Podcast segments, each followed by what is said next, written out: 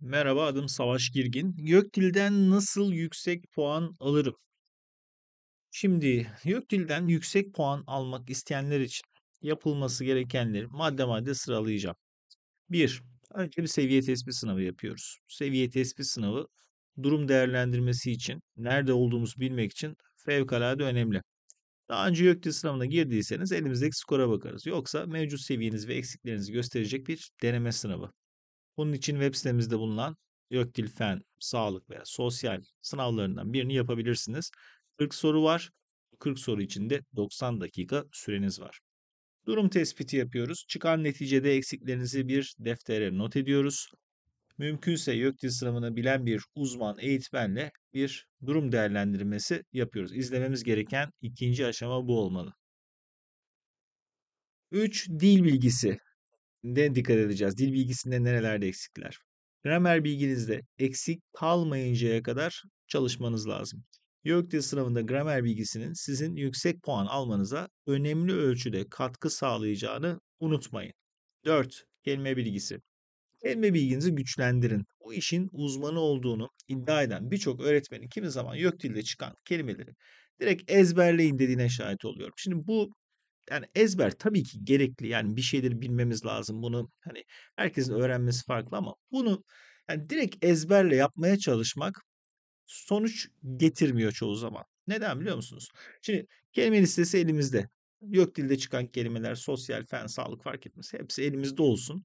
Ama burada kelimeleri biz bağlam içerisinde görmediğimiz zaman, nasıl kullanıldığını bilmediğimiz zaman o kelimenin o İngilizce bağlamda işte bir kontekste veya işte parçada neyse yani orada nasıl kullanıldığını bilmediğimiz zaman kelimeyi hatırlıyoruz. Provide demek sağlamak demek. Ama şimdi provide'ı orada başka bir şeyle kullanılıyor.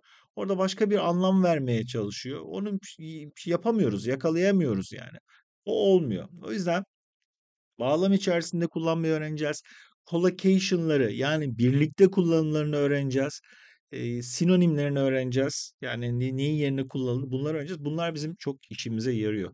Aksi takdirde bazen şöyle bir şey oluyor. Yani eminim başınıza da gelmiştir. Bakıyorsunuz kelimelerin eş anlamlarını şey İngilizce Türkçe karşılıklarını biliyorsunuz. Sınavda da eminsiniz 5 şıktaki kelimeyi de biliyorsunuz. Her şeyi anlamışsınız. O kelime oraya oturmuyor. Ondan sonra diyorsunuz ki ben nerede hata yaptım diye insan kendine soruyor. Hatayı işte burada yapmış oluyoruz. Birlikte kullanın öğrenme öğrenmemek de yapmış oluyoruz. Böyle gitmemiz gerekiyor.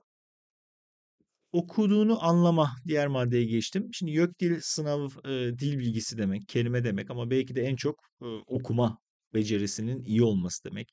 Zira YÖK dilin amacına baktığımızda yüksek lisans, doktora yapacak bir kişinin belirli düzeyde İngilizce okuyabilme becerisi olup olmadığını test ediyor. Bu yönüyle okuduğunu anlama becerisini geliştirmek, YÖK'te sınav hazırlığından ziyade sınav sonrası süreç içinde faydalı olacaktır. Yani tabii ki sınava hazırlanıyoruz ama sınavın bir ma- ma- maksadı var değil mi? Siz aslında hani oradaki makaleleri takip edebilin diye. Şimdi nihai amacımızın İngilizce makaleleri okuyup anlamak olduğunu varsayarsak Türkçe'ye çevirmek değil yani burada hani okuduğunu anlamaktan bahsediyoruz. Düşük seviyelerden ileri seviyelere doğru etkin okuma yapmak, okurken notlar almak faydalı olacaktır. E, bu konuyla ilgili yine web sitemizde YouTube kanalımızdaki çalışmaları incelemenizi tavsiye ediyorum. Bunun dışında her cuma günü sabah böyle 9 civarında Temodil abonelerine bir bülten gönderiyoruz. Bu bültende YÖKDİL sınavında çıkmış veya çıkması beklenen bilimsel e, makaleler, haberler oluyor. Abonelik ücretsiz. İstediğiniz zaman abone olabilirsiniz. İstediğiniz zaman abonelikten çıkabilirsiniz. Ben tekrar da abone olayım deyip tekrar gelebilirsiniz. Herhangi bir bağlayıcı bir şey yok. Biz bunu bir e, hizmet olarak tüm paydaşlarımıza sunuyoruz. Pekala şimdilik bu kadar. Görüşmek üzere.